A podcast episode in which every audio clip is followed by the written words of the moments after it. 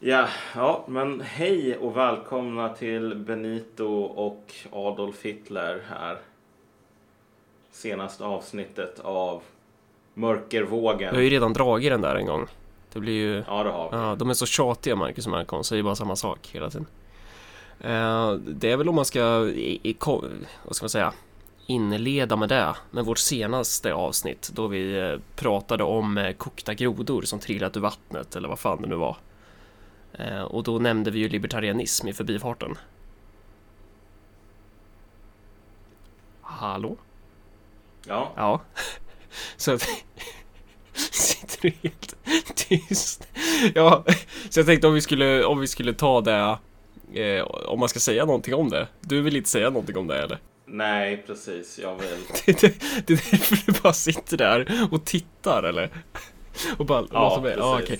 Nej men det har ju varit lite reaktioner som, i stil med så här, varför gjorde vi inte ett två timmars långt symposium om libertarianism och gick igenom hela den ideologin och hade någon slags, eh, jag vet inte vad, föreläsning om det. Det handlar ju om att vi är ju inte intresserade av det egentligen, alltså det, det är ju inte Varför skulle vi ha gjort det? Alltså jag, jag förstår inte ehm, Jag förstår inte riktigt den kritiken typ, man, man menar ju på att vi var Vi var väldigt så här eh, eh, orättvist korta så. Ja, men precis. Och sen också orättvist korta och okunniga. Men, men, men här är grejen så här.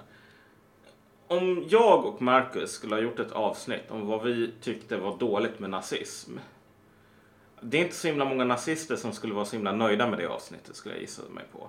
Därför att vi skulle ta en max 15-20 minuter och diskutera lite grann av problemen och sen skulle vi säga ja okej nazism ganska dåligt. Ja. Låt oss röra oss vidare till grejer som faktiskt är relevanta idag. Då hade vi ju fått höra så här, men varför behandlar ni inte strasserismen? Så, ni, ni ignorerar ju den helt och hållet. Man bara, ja. Ja men exakt. Alltså i slutändan. För oss, precis som vilken annan kult som helst.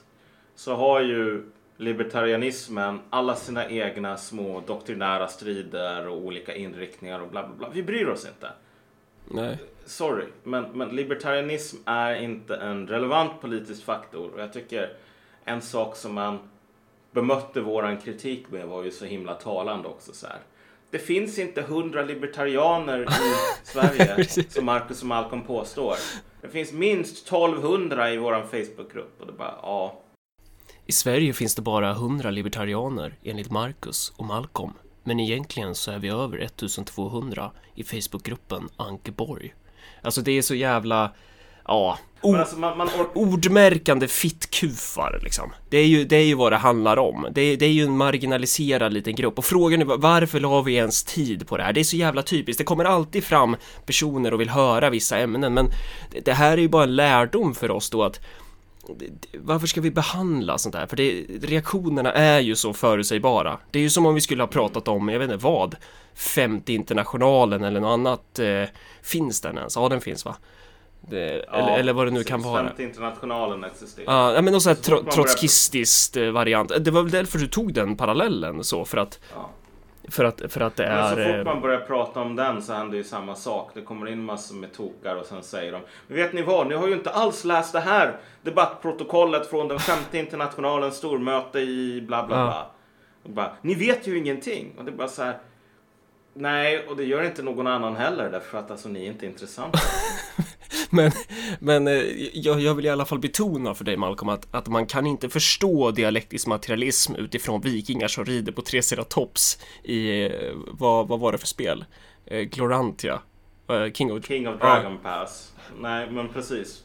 Då tycker jag att man läser ehm, någon antropolog som James C. Scott istället, vilket jag också rekommenderar i den podcasten. Ja. Eh, Ja, Så det finns väl inte så himla mycket mer att säga. nej. Låt oss röra oss vidare. Ja, du har ju fått lite mail och, och, och sådär eh, om, om att du springer den härskande klassens ärenden. Vad, vad har du att säga om det? Eh, ja, Sanna Reimann, Peter Saltesson, Ivar Arpi. Den härskande klassen i Sverige idag. Ehm, ja, jo så är det ju. Och du vet, alltså, efter ett tag så blir de här... Ja men Malcolm, vi vet ju typ varför du får utrymme att säga de här sakerna.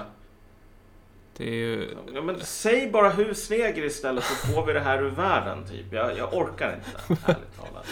Låt oss också röra oss vidare från det här för det är inte värt att kommentera. Okej. Eh, ja, men då går vi in på Paolo Robertos skämt istället då, apropå värt att kommentera. Det har ju varit den stora snackisen nu i, i så här post-Sverige-bilden Sverige. Så, så ännu ett tecken på det här sjukdomsstadiet för det här jävla landet och det är ju att den här B-kändisen, får man säga så? Nu kanske jag är elak mot Paolo Roberto. Han, han, han försökte ju nästan spela sig själv i den här eh, Millennium-trilogin, men han misslyckades ju dessvärre. Men hur som helst, han... Jag tror, jag, jag måste flika in en sak. Jag tror att han har någon sån här eget märke av, märke av frysta pizzor idag. Äh, det är inte pasta då? Det är det också. Ja. Både pasta och frysta pizzor. Han är ju italienare så, så jag menar, han har ju en, eh, han har ju rätten att, att ha eh, den sortens Ja. märken. Om, om du och jag hade det skulle det vara kulturell appropriering. Men hur som helst, eh, Paolo Roberto har dragit ett skämt. Eh, och egentligen får jag inte säga att det var ett skämt, utan jag måste säga enligt eh, så här regeln då att ah, det var ett dåligt skämt, det var ett riktigt dåligt skämt. Och hela tiden hålla på och så här, eh, vad ska man säga, eh, sätta etiketter på det här skämtet så att man verkligen så här trigger-warnar nu. Och skämtet var väl något i stil med att så här, bröst är beviset på att män kan fokusera på två saker samtidigt. Och då, är, jag känner väl spontant att i vilket annat land som helst så hade man ju bara så här, jaha, och varför berättar du det här för mig, typ? Men i Sverige så blir det där då en, eh, ja, det blir ju en nationell nyhet och det blir en stor, det blir stort bråk kring det där.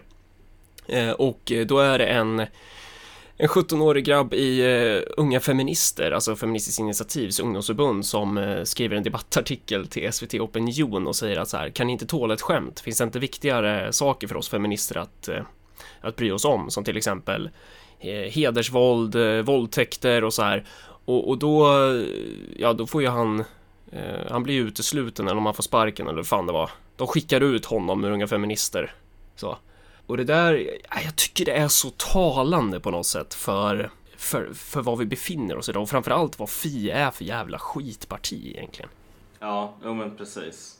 Den där, han som var med i Unga Feminister, hans liksom Facebook, han hade så här Donald Trump som omslagsbild. Chang drog en intervju med honom, så han hade redan innan han blev utkastad så hade han Donald Trump som omslagsbild eh, med motiveringen nej men jag tycker att Trump får utstå mycket skit Eh, så att någonstans så känner jag bara så här, han, han vill ju inte heller avveckla försvaret utan han, han hade ju rimliga åsikter och det är ju det som man blir så chockad över och alla blev ju chockade över det. Bara, Va? Är det en person med, med fötterna på jorden i den där, i, i den där idiotorganisationen? Och jag, nej, jag börjar väl undra lite så här, hur kommer det sig att han hamnade i den styrelsen till att börja med?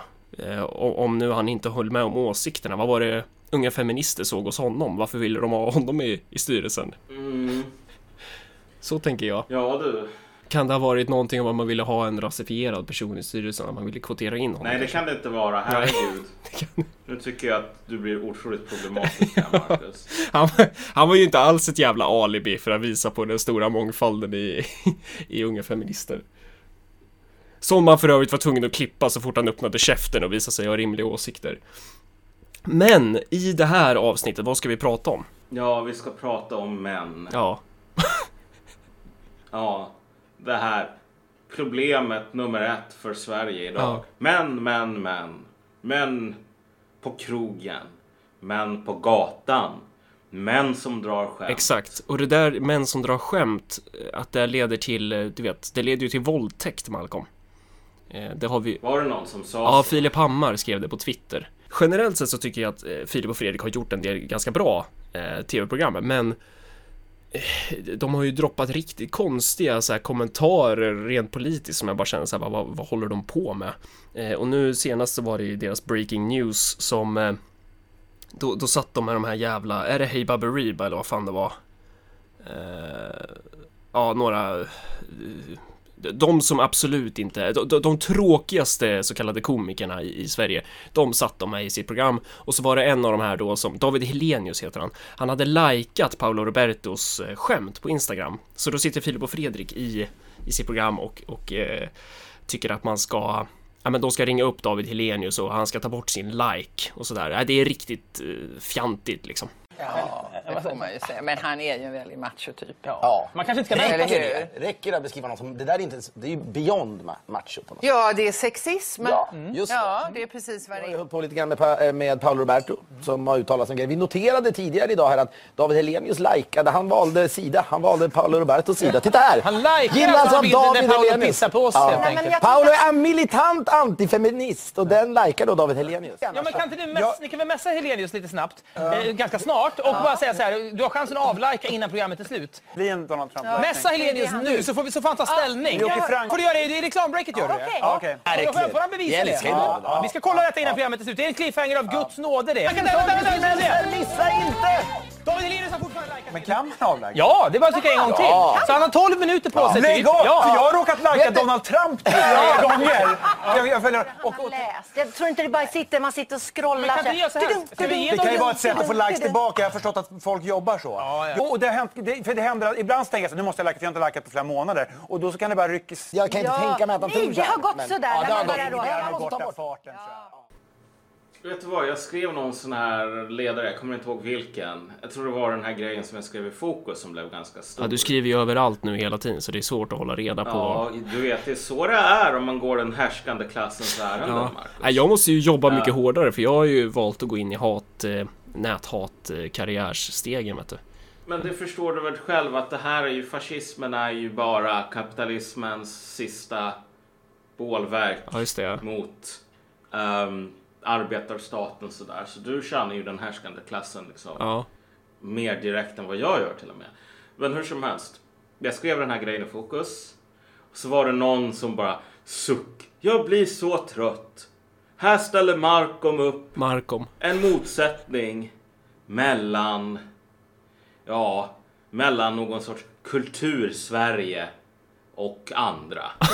Och jag blir så himla trött, för så är det ju inte. Jag bara här, Så är det ju okej. inte. Nej, verkligen. Jag, jag förstår inte var den här galningen har fått den idén Ja. ifrån. Det måste ha varit motgift eller någonting. Så här.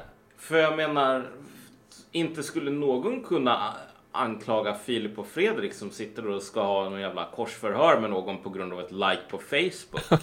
Som att inte ha den djupaste av all jävla markkontakt med problem för verklighetens folk. Om ni ursäktar min folkpartism här.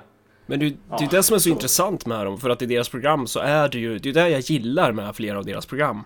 Eh, att, att, att eh, det är ju verklighetens folk, fast det kanske är just eh, det kanske är så man ser det, att man har den distansen till det, att det där är bara människor man har att göra med när man jobbar. Någonting händer Det är något stort på gång med våra vänner Det är Marcus och Malcolms podd Ja, precis. Ehm, vi hade tänkt att tala, och det här kommer att bli en serie av avsnitt för övrigt. Men vi hade alltså tänkt att tala om män, mansroller, allt egentligen som har att göra med det politiska läget i relation till just män, strukturella ekonomiska förändringar som drabbar män och liknande. Alltså, männens roll som politiska subjekt idag. Typ. Och det, det kommer vi som sagt, som du sa, gå igenom i en, i en rad avsnitt och just i det här avsnittet så är väl planen att vi dels ska prata om en viss text om en viss text i, i Flamman eh, som ju ja, jag, jag har väl aldrig träffat Johan, det är väl din vän Johan snarare? Ja, kamrat, ordförande Johan. Ja, precis. Hans text ska vi prata lite om, använda som språngbräda för det här avsnittet, väl mer eller mindre. Eh, och där gå in på hur man ser på män inom vänstern i princip och, och inom samhället överlag och, och hur vi ser på det. Eh, för vi håller ju inte riktigt med om allt där om man säger så. Mm. Ehm, du kan väl introducera kamrat Johans text lite grann? I Flamman, som ju är Vänsterpartiets eh, tidning, den, den säger att den är oberoende socialistisk. Fan vad det betyder, men, men eh, där har ju då en text publicerats som heter Manlig arbetararistokrati. Och där går ju då Johan Persson igenom, eh, vad fan går han igenom egentligen? Texten avhandlar ju vad som händer med män. Ja, precis. Vi kan väl, vi kan väl säga så här, om vi tar ett steg tillbaka Ja. så... Jag tror att Johan skrev ju inte den här texten för Flamman Nej. från början, utan han hade den på sin blogg. Och så ville de köpa den av honom för att publicera den nu. Eh, den skrevs för ett år sedan eller ett och ett halvt år sedan. Ja, det är ju riktigt, eh, det där säger ju någonting om Johan att han är beredd att ta emot pengar från en så illa ansedd tidning som Flamman. Alltså, det är ju frågan om vi kan ha kvar honom på Facebook när han jobbar för den här sortens mörk, mörkerkraft. Ja, verkligen. Precis. Jo. Nu sitter skon på andra foten. Ja. Här. Nu, nu är det jag som kan rikta... Nej, men för att vara seriös ett par minuter i alla fall. Så det intressanta med den texten är som, som du sa, så jag kände Johan sedan tidigare. Och jag läste den texten tidigare. Är, sen först när den blev publicerad i Flamman så fick den liksom mer spridning. Det var inte en sån här intern grej som lästes av hundra människor i det här landet.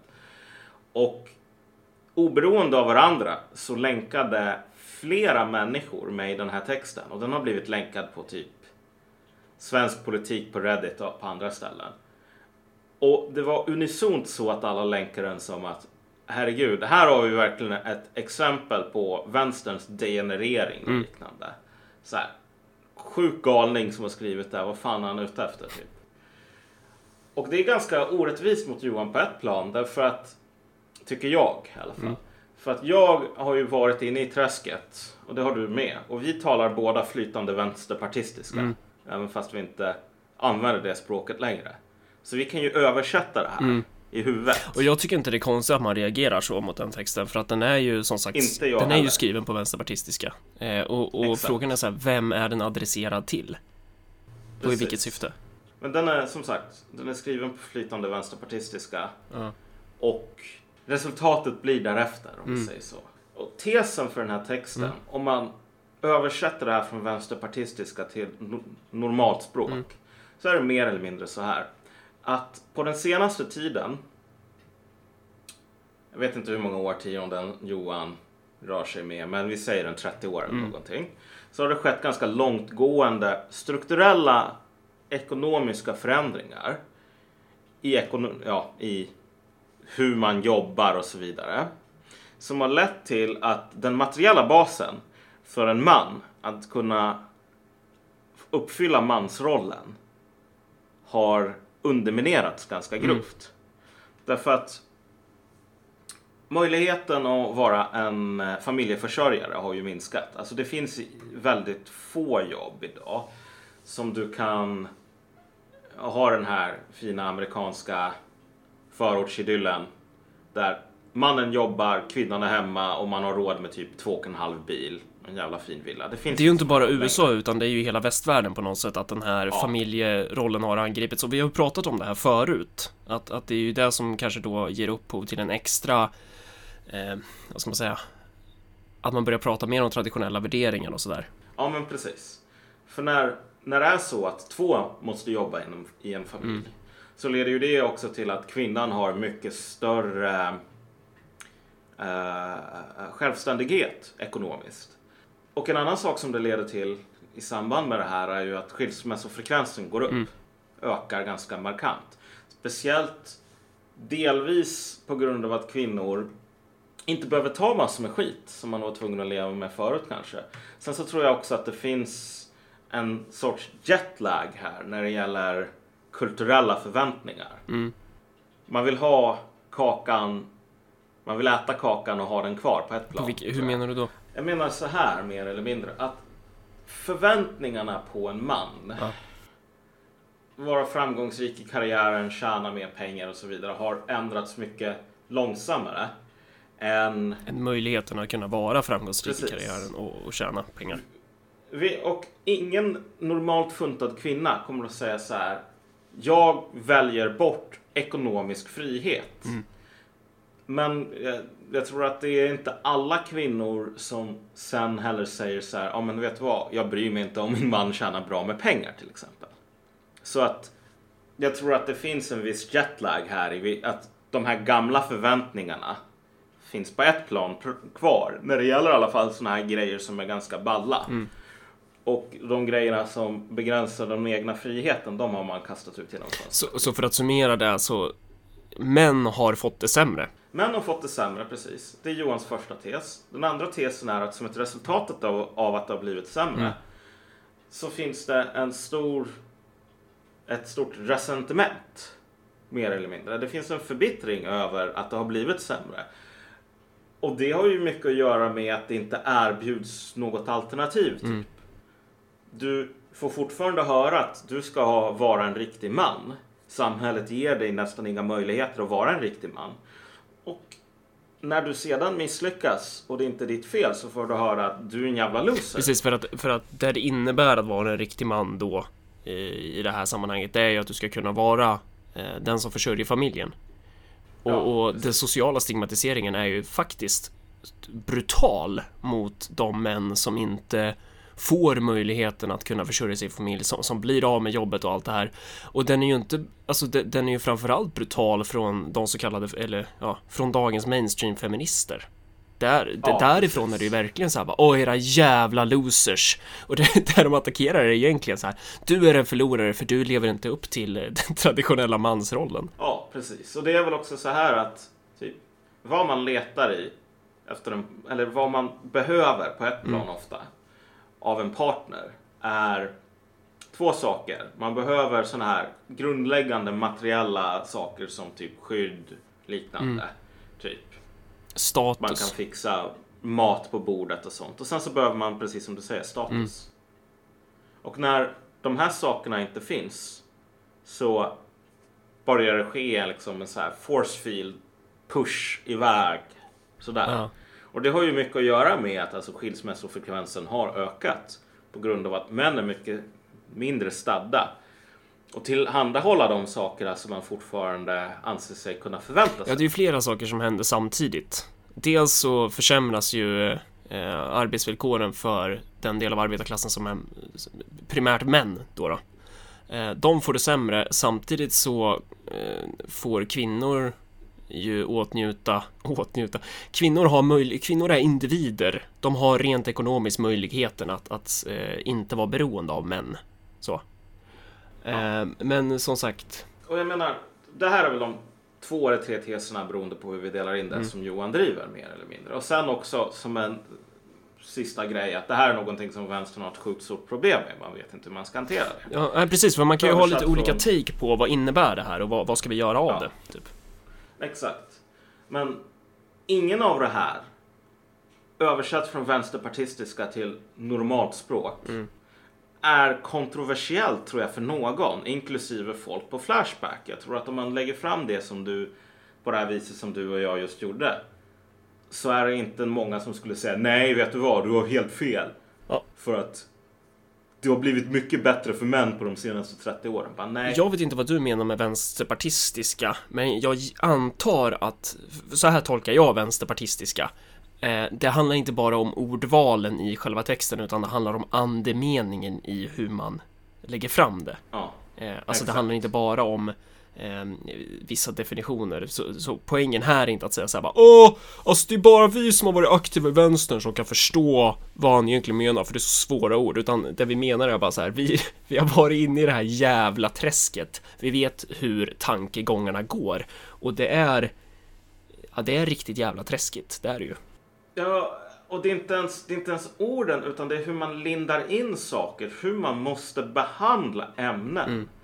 Och det här har ju att göra med typ, alltså hur socialiseringen funkar. Ehm, och det i sig, alltså hur socialiseringen funkar inom vänstern är ju en annan anledning till att vänstern har otroligt svårt att entusiasmera vita kränkta män sådär. Som de kallar det. Eller precis som, som de kallar det. Därför att så som vänster funkar idag så är det så att det är ju precis som alla andra sociala hierarkier, sociala organisationer och allting sådant. Så är, finns det ju alltid en tävlan om att klättra uppåt. Ta sig till de här platserna där man åtnjuter mer social status och mer materiella fördelar. Sättet som man gör det inom vänstern idag, den hårdvaluta som du behöver, det är möjligheten att navigera i en pyramid där din status som förtryckt är en sjukt stor del av eh, det är en nödvändig men inte tillräckligt del för att du ska kunna ta dig uppåt. Du måste också kunna behärska rätt diskursmetod. Rätt sätt att lägga fram saker på, rätt sätt att diskutera saker på. Annars blir du överkörd också. Men i den tävlingen så har ju män ingen jävla chans. Ett exempel på det där kan ju vara när man från eh, ungdomsförbundets förbundsstyrelse ska argumentera emot medlemmarnas möjlighet att ha ett internforum och prata med varandra. Eh, man kan Ja. inte säga rakt ut att vi ska inte ha ett internforum för att, eh, jag vet inte vad, håll käften, lyd order, utan det man säger är då nej, för det hämmar internfeminismen. Så det, det är ett sånt sätt varpå då blir det fallet legitimt. För då, det är den där heliga kon som man inte kan röra och då den oppositionen då som vill ha någon möjlighet till ökad intern debatt eh, som inte är kontrollerad av, av förbundsstyrelsen, då är ju de antifeminister. Eh, och, och samma Ja. sak, ska du utesluta någon, ja men då behöver du också åberopa de här, eh, det här sättet att prata på. Så. Men exakt. Och Vänsterpartiet har ju precis samma problem. Har jättedålig interndebatt. Folk har klagat på det i tio år eller någonting. Och så säger man alltid nej men vi kan inte ha det på grund av att det är ett internfeministiskt problem. men, men den här rat-racet för status, begränsade resurser, anslag, allting sådant. Det är ett totalt misstag att tro att det här är någonting som är enkelriktat. Att det är så här kvinnor förtrycker män genom att säga gud vad många män det är eller så jävla snubbigt eller liksom sånt där. Det sker ju. Men du har ju en strid på kniven mellan till exempel Ja, hur ska jag uttrycka det här utan vara problematisk? Var problematisk, vi är problematiska. Okej. Du har en strid på kniven mellan biologiska kvinnor och transkvinnor. Och den här kan verkligen degenerera i riktigt hemsk mobbning, drev, allting sådant. Därför att det är en strid på kniven om status och begränsade resurser. Så här. Och transkvinnor eller, alltså, är ju inte bättre eller sämre än några andra människor. Så de gör ju samma sak och alla andra försöker hitta de verktygen som de kan hitta för att typ klämma till andra. Ehm, men det är ju bara det att som man så ligger man otroligt lågt ner på totempålen i den här eh, diskursiva hierarkin av olika förtryckta minoriteter. Ja, ja, precis, för att det du behöver är ju eh, ju, värre förtryck du är på den här Oppression Olympics-skalan, desto mer möjlighet, desto mer verktyg har du att kunna gå framåt i det här klimatet. Så här, det råder en konflikt om vem som ska få åtnjuta frukterna av att vara mest förtryckt, helt enkelt. Ja. Om Johan inte hade varit en del av den här världen och då skulle han inte behövt lära sig den här diskursen och då skulle den här grejen kunna blivit skriven på ett annat språk än vänsterpartistiska. För att en sak som är så himla talande med reaktionerna på den här texten är att dels så har vi folk på typ Reddit som säger den här personen måste ju vara helt jävla sjuk i huvudet ungefär, jävla neckbeard. Och sen så har vi folk inom Vänsterpartiet och liknande som du och jag tyvärr känner sedan tidigare. Som går in och bara Åh gud vad intressant. Här har vi verkligen ett stort framsteg i en socialistisk analys liksom. Skillnaden är ju bara att, att, du, att du gillar att självspäka dig själv, så du har inte rensat Ja. din jävla Facebook på de här människorna. Ja. Men, alltså, men, men diskursen bland de här Ja. människorna, diskussionen går ju verkligen Ja. så här att Gud vad fascinerande, nu lär vi oss någonting nytt om hur män Ja, men det är ju som funkar." att dissekera råttor, typ. Ja, Alltså, exakt. det, ja. Och vad det här påminner mig om, alltså Johans text, intressant nog, har nästan en väldigt... Utan att det här var det som var intentionen, eh, så har det en väldigt stor liknelse med de texterna som du hittar bland annat på Radix, den här sidan för allt högern. Så, va? För de har ganska många sådana här eh, artiklar om vad vill kvinnor? Hur tänker kvinnor? Och så är det typ fem snubbar som bara, ja vet du vad, kvinnor de vill ha, de har hjärnor som fungerar på det här sättet. Så de vill ha eh, likt kråkor, typ saker som glimmar. För det tycker de är roligt. Och de vill ha utav politiken de här och de här grejerna. För det är så kvinnor funkar. Det är så här man diskuterar kvinnor. Typ fem snubbar sitter och bara, ja, det här vill kvinnor och så här tänker kvinnor. Och på samma sätt så är det fem jävla vänster eh, henpersoner som bara, ah wow! män, vita kränkta män, cismän, de vill det här och det här. Och det blir så himla nedlåtande och idiotiskt typ. Och man förstår verkligen inte varför de här testsubjekten som man pratar om får ett ganska avigt intryck. Och jag, jag förstår ju verkligen varför man reagerar eh, som man gör över den där texten. Alltså på Flashback eller Reddit eller vad det nu är. Det, är- det är ju inget konstigt med att man tycker att vad är det här för jävla skit? För att på många sätt så är det ju lite Det är ju lite av en parodi på den här jävla vänstern alltså. Ja men verkligen. Men grejen är att Johan skulle inte kunna skrivit den här texten som annat än en parodi på vänster utan att typ ehm, vara i riskzonen för att åka ut på det jävla drevet ungefär som jag skrev. Ja. Eh, eller som, vad säger jag? Nu kan jag inte ens snacka. Johan skulle inte kunna skrivit det här Nej. på ett annat sätt.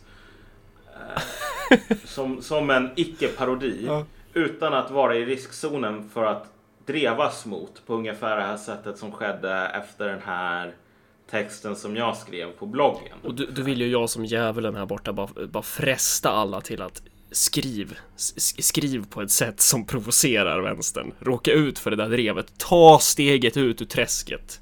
Så. Eh, men, men eh, ja. Om man vill vara kvar där så är det ju en annan femma kanske.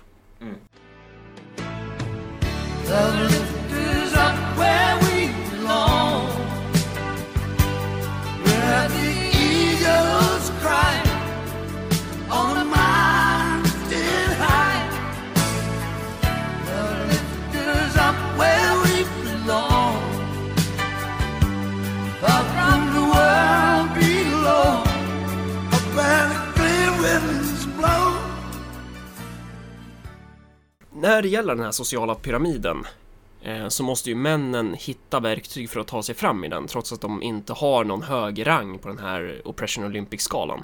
Ja. Eh, och eh, man skulle väl kunna jämföra männen med typ Weimarrepubliken. Ja, eller... Jo, men precis. Ja. Att Weimarrepubliken var ju efter första världskriget och då var ju Tyskland, vad ska man säga?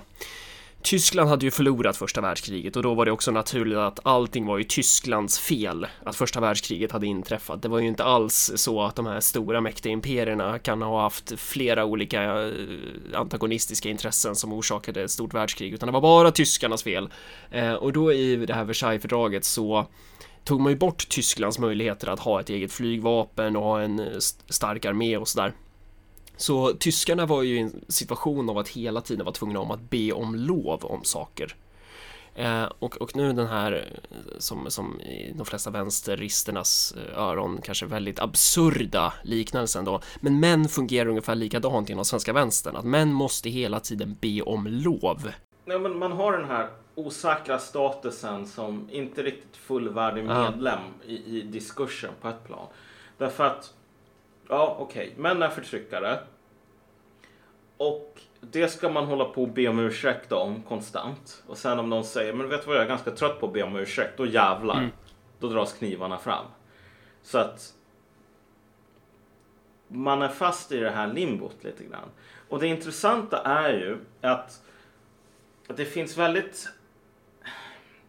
Om vi tar till exempel mäns våld. Det våldet som män utövar som är okej eller ens intressant att diskutera inom vänstern. Det är mäns våld mot kvinnor.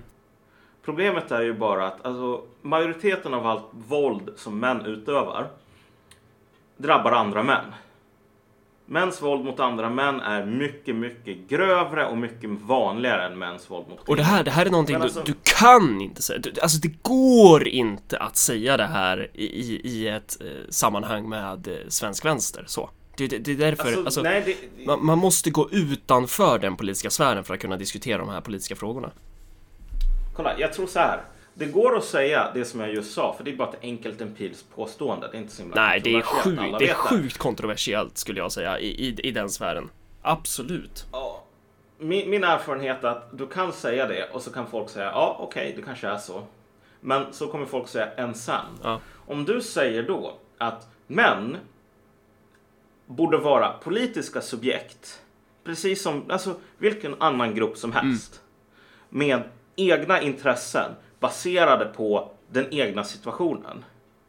Då jävlar, då kommer det att ta hus i helvete. Därför att det är det som man inte kan tolerera på ett plan. Nej, för, för den här mainstream-feminismen, eh, den är ju, om man, om man ska tala om dess berättelse, så är ju kvinnan är ju den här protagonisten. Kvinnan är ju huvudpersonen.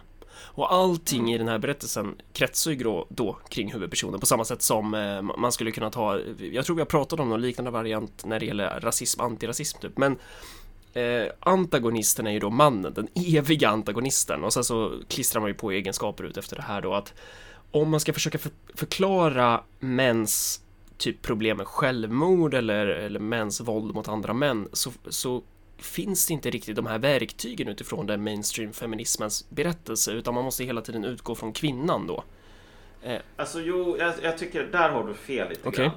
Det som man säger här är ju att eh, vi, vi säger att någon postar en artikel Ja.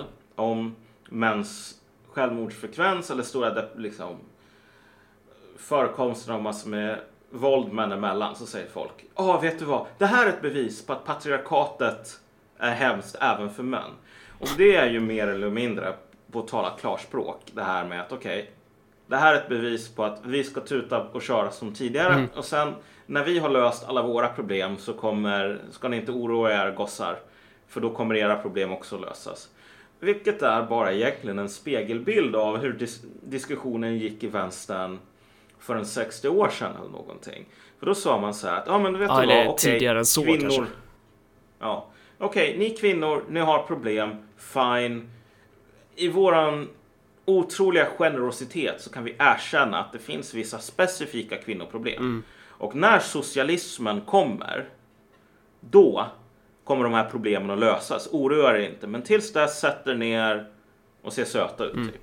Och när, när någon sa så här, men vet du vad, kanske borde kvinnor organ, organisera sig som någon form av politiskt subjekt och inte lita på att andra skulle vara generösa nog att lägga märke till deras problem när alla andra problem var lösta. Då jävlar, då tog det hus i helvete. Då var du ute på riktigt tunn is. Och sen till slut så sa kvinnor fuck it, vi gör det ändå. Men är inte det här ungefär som jag sa då? Att, att det är, man utgår ju fortfarande från sin egen berättelse när det gäller att försöka förstå mäns problem typ. Ja, nej men alltså, kolla, man har verktyg Ja. och de här verktygen är designade för att leda diskussionen tillbaks till de egna problemen. De är inte designade för att, alltså som sagt, vi har en inverterad bild eller en inverterad situation från hur det var för en hundra år sedan eller någonting. Och det här är det som är problemet i slutändan. Att det som är riktigt kontroversiellt och det som typ aldrig kommer att tillåtas inom den här vänstern. Det är mer eller mindre att inte så här någon jävla revanschistisk liksom nu jävlar ska män under ledning av Daniel Friberg ta tillbaks allt vi har förlorat. Utan jag menar det är illa nog. Men det som verkligen är hemskt det är okej, nu behöver vi kunna diskutera mäns problem på samma villkor som vi diskuterar kvinnors problem. Så här. Som ett fullfjädrat politiskt subjekt som inte behöver be om lov för någonting som andra inte behöver be om lov för. Som inte behöver be om ursäkt för andra saker som andra inte behöver be om ursäkt Ja. för. En riktig sån här SVT opinion eh, eh, topic är ju Har feminismen gått för långt? Och många kanske skulle skrika ja, men jag skulle nog säga att den, den kan ju bara gå halvvägs. Det är väl just det som är grejen, att den kan ju inte behandla eh, eh, de problem som män upplever. Den är inte till för det. Den är till för att Exakt och det är det som är grejen då, att då behöver vi ju någonting nytt här som tar de här problemen att män eh, har fått en, ska man, det har blivit sämre för män. Det måste man ta på allvar. Man måste försöka uppfinna någonting nytt här för att kunna tackla det här problemet. Man, man kan inte bara avfärda det eh, och skratta åt alla de män som har fått det sämre. Ja, precis. Och det, det, ibland så talas det om att det behövs en feminism för män. Och jag är inte något större fan av den, um det begreppet. Därför att det missar lite grann att vi talar om två ganska olika saker.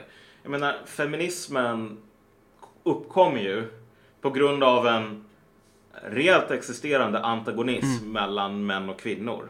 Det vill säga att kvinnor var i en underordnad position, behövde frigöra sig från den. Jag tror att en, om man ska vara en konkret lösning på många av mäns problem idag handlar inte om att frigöra sig från en underordning gentemot kvinnor. Nej, Om du fattar vad jag menar. jag förstår. Utan det behövs andra grepp om vi säger så. Mm. så här. Och jag tror inte heller på det här patriarkatet, typ att jo men det behövs, vi behöver bara besegra patriarkatet och så löser allting sig. Utan det här är någonting ehm, vi behöver mer nyansering än så. Ja, ja. Och det, det, som sagt, det ryms inte inom, inom dagens mainstream feministiska diskurs. Så, så då får väl extremisterna och de här jobbiga mörkermännen, Marcus Ja. och Malcolm, ta tag och bör, börja prata om det på ett annat sätt kanske. Men kolla, det som vi behöver punktera här Mm. också. Det är inget problem att feminismen inte ehm, tar, liksom, löser mäns problem. Det är inget problem alls faktiskt. Det är ungefär som att anklaga en biltvätt för att inte borsta tänderna åt dig. Så här. Det är inte Mm. ja. det den är till för. Men problemet är när du då säger så här att ehm, folk ska inte få köpa tandborstar because reasons. Så. Och det är lite grann där som vi är idag. Alltså att okej, vi har det här politiska verktyget som är bra på vissa saker och sen har du andra saker som det inte gör alls. Men just på grund av att män har den här väldigt intressanta halv off, liksom halv förbrytarställningen så är det ingenting som man kan lita på. Liksom. Män kan inte ha sin egen jävla liksom, problem och tolkningsföreträde och sådana saker. För då kommer de bara att missbruka det. Så här, jag tror att i, i svensk kultur, nu vet du, nu jävlar, eh, så, så, så tycker vi om jämställdhet. I alla fall idag. Alltså det är någonting som är ganska vedertaget idag, att de flesta tycker att jämställdhet är bra. Framför allt de som absolut inte skulle vilja kalla sig feminister. Just eftersom de anser att feminister förstör för jämställdheten. Eh, sen är det klart att det finns människor i det här landet som eh, tycker att kvinnan ska stå vid spisen och en massa sådana där idiotiska idéer. Men jag tror att de flesta är ändå så här, nej men vadå, det bästa hade ju varit om vi hade varit eh, jämlikar på riktigt. Men man känner då att feminismen hämmar det här. Och någonstans så håller jag faktiskt med där. Eh, för att antingen så strävar man ju efter att eh, upplösa de här kategorierna som sådana. Eller så försöker man använda eh, det här som, en, som en, ännu en steg i det här liberala samhället att klättra uppåt på. Mm. Och här, här, här måste jag också säga bara man får ta det här med en nypa salt och se vad menar jag, vad menar jag inte. Nu kommer ju vissa bli helt eh, vansinniga över det här givetvis, men det, ja, skitsamma, då får de bli det.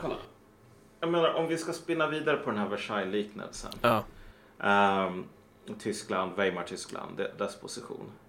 Självklart så var det ju så att Tyskland hade en jävligt stor skuld i att första världskriget blev som det blev. Men i samband med Versaillesfreden så fanns det ju en otroligt elakartad historisk amnesi, blindhet inför alla de andra länderna som också hade varit delaktiga. Utan nej, allting var Tysklands fel. Och allting var rättvist och allting var bra för att självklart skulle tyskarna få sona för det här. Och på samma sätt idag, om du tänker dig. Om den stora recessionen till exempel. Den ekonomiska krisen som vi hade 2007-2008. ja, bra. Ehm, I alla fall, den stora recessionen ledde ju till massor med jobb som försvann. De flesta av de jobben var ju, som var högbetalda var ju sådana här jobb som män hade. Och sen de jobben som kom tillbaks var många sådana här jobb som kvinnor tog. Vilket betydde att rent... ehm, vad är ordet jag letar efter? Rent strukturellt så slog den här krisen mycket hårdare mot män än vad de gjorde mot kvinnor relativt sett. För att män fick liknande villkor som kvinnor tidigare haft, eller? Nej, snarare så att alltså, du vet, man inte hade, man fick inga jobb alls. Ja, okej. Mm. Så här, om du tänker dig hur Sverige ser ut idag så är arbetslösheten väldigt låg bland etniska svenskar. Och så är nästan all arbetslöshet som vi har koncentrerad hos invandrare. Fast det finns ju väldigt många eh, etniska svenskar som är arbetslösa också. De är inte så otroligt många tack vare all magi som man har för att typ trolla bort arbetslöshet. Så här. Man ska inte lita på de officiella siffrorna efter 20 år av sosse och moderat så här, arbetsmarknadspolitiska åtgärder. Men det är en okej. sjukt stor klyfta mellan sysselsättningsgraden mellan svenskar och invandrare. I princip all arbetslöshet, all seriös strukturell arbetslöshet just nu är koncentrerad hos invandrare. Och en ett liknande skifte skedde ju i samband med recessionen. Så här. Och med bakgrund av det här så finns det också en, en, en liknande sån här elakartad blindhet, mer eller mindre. På grund av att om du är en kvinna, vi, vi, vi kommer med en radikal teori här, att kvinnor och män är ungefär likadana kognitivt sett. Båda är människor. Båda har samma kapacitet till att vara giriga och eh, bete sig egoistiskt och så vidare. Och vi tänker oss hur män skulle bete sig i ett samhälle där de av strukturella skäl blev liksom gagnades av utvecklingen samtidigt som kvinnor förlorade. Så skulle väl män antagligen hitta på massor med olika så här candid förklaringar till varför eh, vi lever i den bästa av alla världar och typ om kvinnor har det dåligt så är det för att de förtjänar det mer eller mindre. Det här är rättvist, jag har fått allting som jag har på grund av hårt arbete, bla bla bla. Så. Det är så som män skulle bete sig. Och så har det ju varit tidigare. Ja. Ja. Vi säger så här, om kvinnor hamnar i samma position så är det väl också så de kommer att bete sig många gånger. Jag menar, det finns ju den här sortens feminism som menar att okej, vi behöver kvinnor på alla positioner därför att kvinnor är helt enkelt alltså bättre spirituellt, kognitivt. De är mer generösa, de är snällare, de har på grund av någon jävla moderskänslor, livmoder, bla bla bla. Jag vet inte vad för förklaringar folk använder. Men på grund av allt det där så är de alltså bara bättre lämpade. Det blir till att- färre, det blir färre krig och allt sånt där. Ja, exakt. Jag tycker det där är jävla bullshit. Utan vad fan, kvinnor är precis lika bra, precis lika dåliga som män. Ehm, det är min radikala syn på det här. Så utifrån det så är det lätt så att den här smutsiga byken som man försöker gömma allt mer idag är ju att det finns faktiskt möjligheter för sådana här ojämlikheter och bli, alltså klasskillnader mer eller mindre och bli, eh, få en viss samspel med kön. Ja, men Och- det, det, det är ju en möjlighet för vissa att klättra. Exakt, Ja. precis. Det finns en möjlighet för vissa så här Birgitta Olsson-feminister till exempel. Och, jag, och det som man måste ha klart för sig är ju att Birgitta Olsson kommer att bete sig precis som vilken jävla manlig skitstövel som helst. Så här, klättrar genom att typ använda andra människors huvuden som stegpinnar. Och det är, ju, det är ju så ett liberalt samhälle fungerar. Det bygger ju på att man hela tiden måste klättra på andra, annars så kommer andra klättra på dig. Mm. Eh, och frågan är ju så här, vill feminister, vill alla feminister verkligen att det ska lösa sig för män? Nej, självklart Jag, inte. jag får ju ibland uppfattningen av att det är väldigt många som typ nästan gläds åt att det går dåligt. Åt att det går dåligt för män helt enkelt. För att man är i den här berättelsen där män, männen är de onda antagonisterna. Så det är, en, det är en kamp om att nå toppen, precis som det är i liberalismen. Eh, och Jo, men männen är det största hindret. Så att ifall en man blir våldtagen, ja men då är det rätt åt den mannen då. Alltså att det finns folk som på allvar tycker så. Eh, Jo, men alltså, ja, jag tror inte, jag vet inte hur mycket det är så just gällande det specifika fallet våldtäkt. Men när det gäller mer sådana här saker, mer generella ekonomiska trångmål och liknande, Ja. så finns det ju...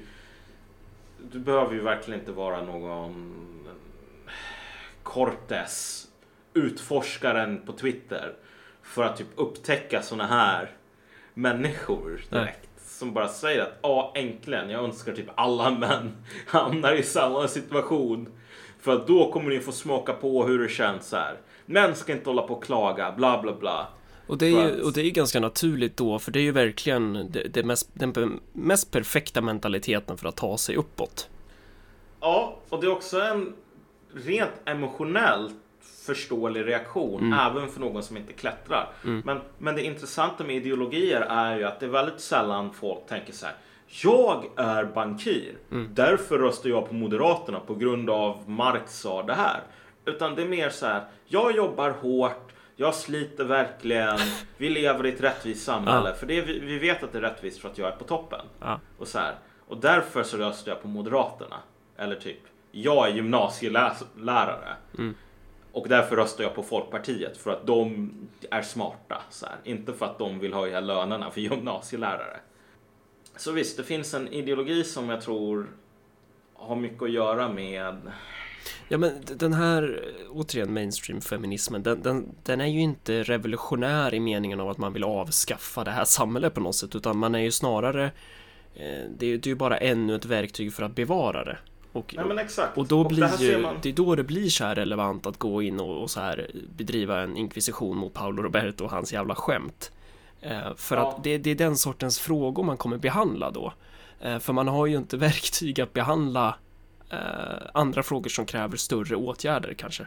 Jag tror att det bästa beviset som man kan lägga till våran tes fördel här är ju att den här sortens konflikter inte bara går mellan feminister och män utan mellan feminister och feminister.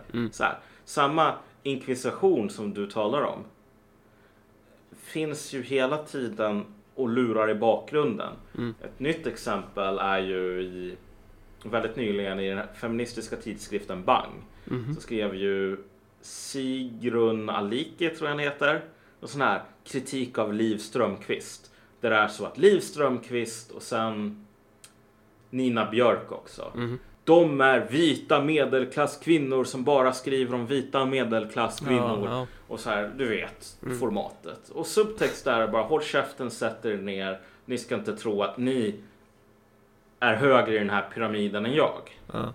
Så det här är verkligen inte någonting som om man går in på Flashback så finns ju ofta den här idén om att det är någon utstuderad komplott typ för att förinta män eller något sånt där. Nej, därför att metoderna som man använder från män är inte eh, annorlunda än metoderna som man använder mot andra kvinnor. Jag tror inte att det finns någon utstuderad komplott bland feminister att förinta kvinnor. Däremot finns det ju starka materiella intressen för människor att eh, klättra helt enkelt. Exakt, exakt. Men feminister klättrar inte bara gentemot män, den Nej. här sortens. De klättrar på varandra. Utan de, ja, precis. De klättrar på varandra, vilket gör att det har skrivits typ 10 miljarder artiklar om varför är det så jävla dålig stämning inom vänstern? Varför är vänstern så intolerant? Varför är feminister jävla backstabbers mot varandra? Borde det inte vara männen som är problemet? Och det är bara så här, I brist på män så klättrar man på varandra. Mm, exakt. Och det är inte konstigare än så. Men dit vi vill komma här Ja. är ju i slutändan att så här. Vi tror på många sätt att det som krävs idag är för att lösa de ganska allvarliga problemen som finns bland många män. Mm. Så här. eh, Du kan inte göra, du, det är inte längre tid att ha den här attityden som bara är det här liksom, vänsterpartistiska. Ja, men sätt dig ner nu och typ be om ursäkt för att du finns. För när vi har löst alla problem, då kommer vi ha tid att lösa dina. Det är bara så här. Jag tycker inte att det är ett så himla sympatiskt sätt att se på saken, men det är bara rent politiskt så är det värdelöst. Mm. Alltså, du får inte folk med dig om du resonerar sådär. For good reason. Här har vi ju en stor grupp människor som kastas på soptippen. Och då är Exakt. frågan så här, kommer man, ska man behandla dem som sopor eller ska man beväpna dem och ta, ta, bli, låta dem bli en del av sitt politiska projekt? Och jag menar, det, det tråkiga idag, men det här visar ju på, vad ska man säga, många dynamiska politiska rörelser har ju varit de som har hittat den här gruppen i samhället som på ett sätt inte är osynlig, men rent politiskt är det. Som, som av olika kulturella anledningar kanske, eller politiska eller rent praktiska, ingen tar på allvar, ingen talar till, ingen försöker få över på sin sida. Och för Hitler så var det här småbrukare och kvinnor mycket. Han var ganska ensam i racet om dem på många sätt. Jag tror att idag, ironiskt nog, så är stället som du är jävligt ensam i racet om, det är män. män som inte är goda allierade och som kan snacka på vänsterpartistiska som min vän Johan. Utan folk som bara är lämnade vind för våg. Ja. Om du ser på kvaliteten hos den här men's rights activists och liknande. Det är ju typ eh, närmast du kommer till en jävla manlig Ingrid Carlqvist i många fall. Ja, du, fick Gud. en, du fick en fråga där varför du kallar henne för Pucko i förra podden. Ja, för att hon är det. Ja, okej. Är det så? Next question. Ja. Men du, en annan grej. Eh, liberalismen, vi, vi har ju varit inne på det, här, men liberalismen löser ju upp ehm, en viss slags relation, en viss slags stabilitet. Eh, en, en, idé om äktenskapet som ju, som ju traditionellt har varit att, att mannen har haft lite mer makt än kvinnan om man säger så. Eh, och det är väl det som händer i västvärlden nu när mannen förlorar sin eh, ställning i produktionen och därmed förlorar sin möjlighet att dels kunna erbjuda skydd i, i form av försörjning och sådär, men också i form av status. Att, att det- det luckrar upp äktenskapet och det här kan man väl framför allt se bland invandrarmän och invandrarkvinnor som kommer till Sverige att helt plötsligt så får de här kvinnorna en möjlighet att bli individer. De får en möjlighet att kunna skilja sig från männen. Mm. Eh, så att det slår jävligt hårt mot invandrarmän. Så på något sätt. Eh, Ja. men, men liberalismen löser upp de här grejerna och på något sätt förflyttar tryggheten. Så när, när, när alla blir individer så är det vissa som tjänar på det, andra förlorar på det. Men en kommunistisk lösning, lösning jävligt luddigt här nu, men, men en kommunistisk strävan borde ju vara att försöka se till så att alla har den här tryggheten. Eh, och det är ju väl någonting väldigt grundläggande som man eftersträvar där, att alla ska kunna ha möjligheten att försörja sig oavsett om du är man eller kvinna. Att, att man angriper de här ehm, relationerna som bygger på att den ena ska vara överordnad den andra. Att du snarare angriper kategorierna som sådan. Och det är väl det som gör att jag tror att, jag vet inte, som kommunister borde de här männen vara relevanta. Alla borde ju vara relevanta. Exakt, ja. Vi, vi, vi har inte... Ja, exakt. Och vi, vi har ju inte råd att bara säga så här, bara, åh jävla losers typ. Eller typ komma med någon så här, hur ska vi nå de här? Ska vi förmå kvinnor och sympati ligga? Alltså det, det är bara larvigt Ja. så. Ja men precis, men det här är ju det som är grejen. Ja. Som sagt, Johan är en... Han är en tänkare och han är inte dum i huvudet eller sådär. Men jag menar, han är ju bara... Han behöver avprogrammeras. Jag ska vara riktigt ärlig här. Du vet, lära sig att tala på ett annat språk än just vänsterpartistiska. Därför att att tala på vänsterpartistiska... Ja, nej men som sagt. Jag undrar om folk... För jag som utomstående Mm. ser ju på två sekunder, trots min jävla autism, när jag läser Radix och sättet som de håller på att diskutera, vad vill kvinnor? Mm. Att så här, fattar ni inte hur jävla självklart det är att en, ingen kvinna kommer att vara med i en sån här rörelse som diskuterar på det här sättet? Mm. Jag tror inte de förstår det. För jag tror inte folk i vänstern förstår. Alla de som bara, åh gud vad bra analys. Ja, vad ska man göra? Typ, ska vi använda pekpinnar eller ska vi använda elchocker? Eller vad ska vi göra? Typ, ska vi komma och sälja flamman åt dem? De förstår inte heller bara vilken, hur ute ur gamet man är så fort man börjar tala på det här sättet. Tala mot någon snarare än behandla den andra som om det vore en tänkande människa. Ja, och, just det, och, och sättet som man angriper det här problemet med att människor förlorar sina arbeten och förlorar sina möjligheter att kunna erbjuda skydd, också få skydd och också kunna erbjuda status, det är ju att man hånar dem. Exakt. Man hånar dem så inåt helvete, det är det bästa som finns för att då kan man stå där en, en bit ovanpå dem. Eh, alltså man har klättrat ovanför dem och så kan man peka ner och känna på, åh fan vad nice. Precis. Och jag menar, kolla. Det här exemplet som du tog upp Mm. med invandrarmän Mm. som kommer. Sen så inser deras fruar att shit, det är jag som kontrollerar barnbidraget. Mm. Eller det är jag, jag har fan ett eget jobb nu. Jag behöver inte ta vilken skit som helst.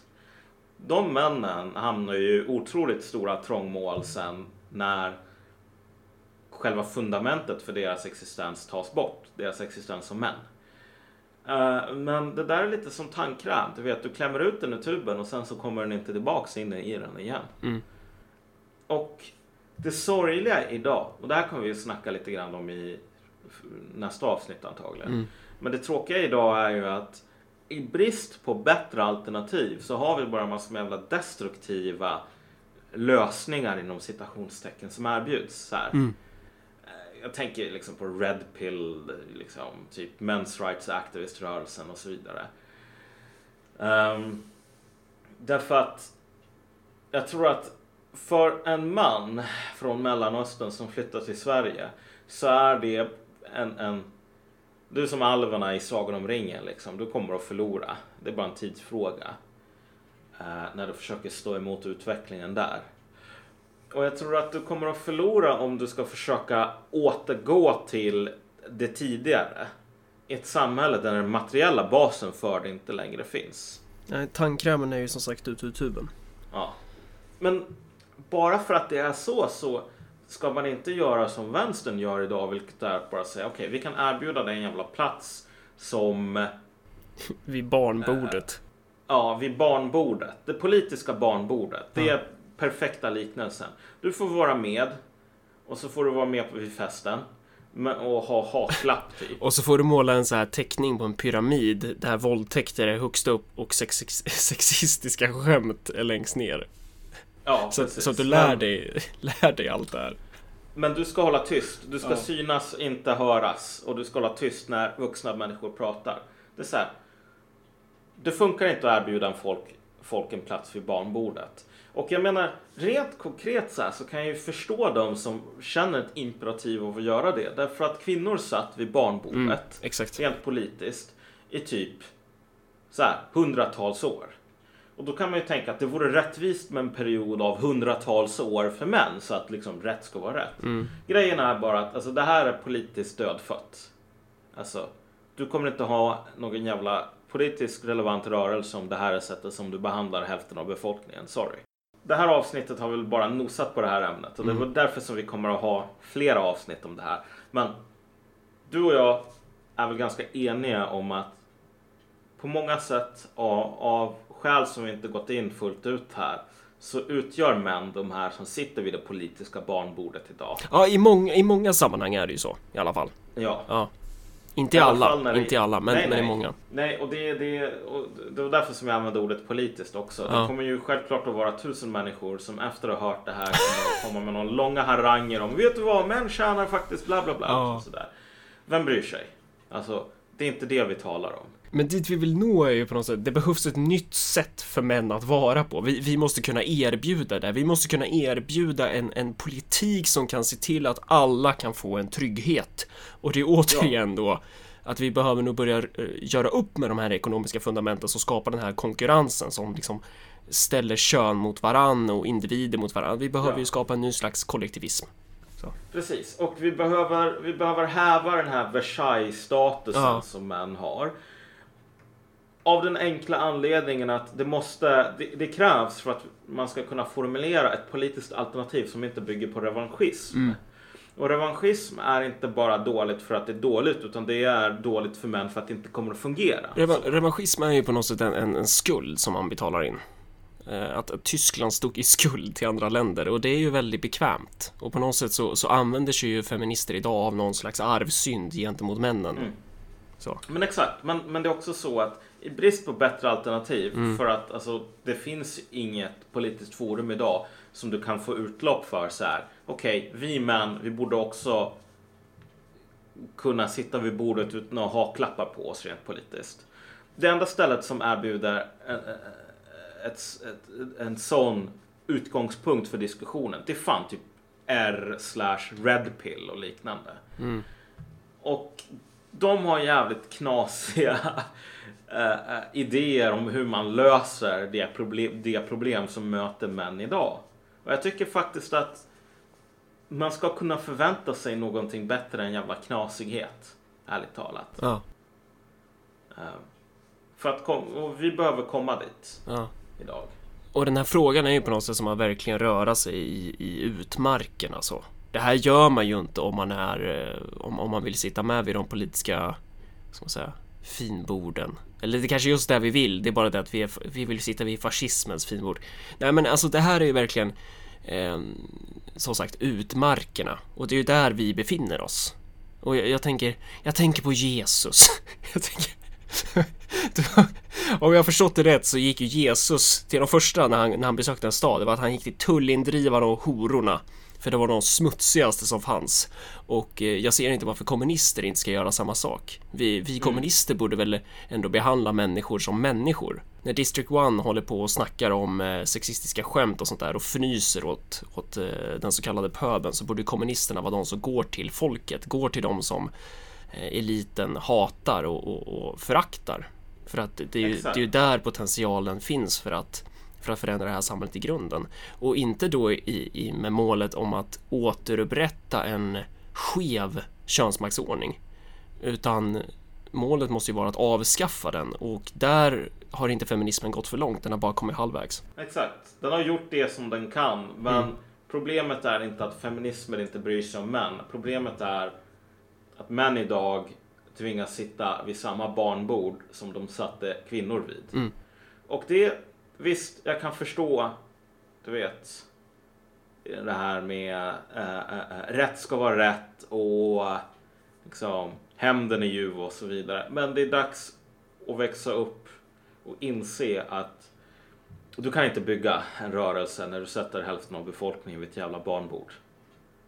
Bara det egna egenintresset måste tvinga fram en omförhandling av Versailles om vi säger så. Jag, jag pratade med en, en person en gång eh, som inom vänstern som sa att ja, jag tycker det är intressant att ni är inne på det här med partitanke för att, alltså, att, att jag som kvinna ska vara med i ett i parti med män, de här misogyna varelserna, jag tycker det är helt sjukt att, att, Ja, att ni... okej. Den store rorsmannen sa så här. Han var också en man för övrigt. Han sa Förena de många för att besegra de få. Så sa han. Ja. Och det är just det. Om du inte kan skriva under på det. Då är vi inte vänner utan då är vi fiender. Och så får vi se vem som har störst armé. När det blir dags att slåss. Så nu har du alltså försvarat alla våldtäkter som begås av män och så har du också försvarat Maus massutrotning av, av dinosaurierna. Det här är... Ja. Ja, jävlar alltså. Men det är därför som vi är fascister du och jag. Ja, så, så var det ju. Ja. Eh, ja, vad kan man tillägga här egentligen? Jag vet fan. Nästa avsnitt kommer att handla om Reddit och the Golden Ones. Det blir fan någonting att se fram emot. Mm. Eh, han bodde i Uppsala, sa du inte det? Ja, precis. Han håller på och blotar eh, tjurar vid Uppsala höga där kan jag tänka mig. Jag tänkte att vi skulle få, jag tror han spelar mycket så här Total War. Jag vet inte om han spelar Civ. Men jag föreslog ju att du och han skulle ha en grudge match i Civ fan. 6. Och du bara sa nej. Ja, men du, du vill ju hålla på och, och interagera med så här, men jag är ju, jag är mer av den här karaktären att jag lägger det här kortet som bara är walk away from the knas. Och så bara är det så. Jag vill, jag vill inte ha med, jag bara, jag, nej, walk away, bara walk away. Ja, precis. Men på återseende hörni ni. Man kan om man gillade det här avsnittet bli en Patreon på Marcus och Malcolm. Söker man på då på patreon.com tror jag det är. Det där, är, det där får ni lösa om ni nu skulle få för er att ni skulle vilja bli patrons. Eh, man kan också swisha en gåva till 0790 10 72 23 och framförallt sprid det här avsnittet.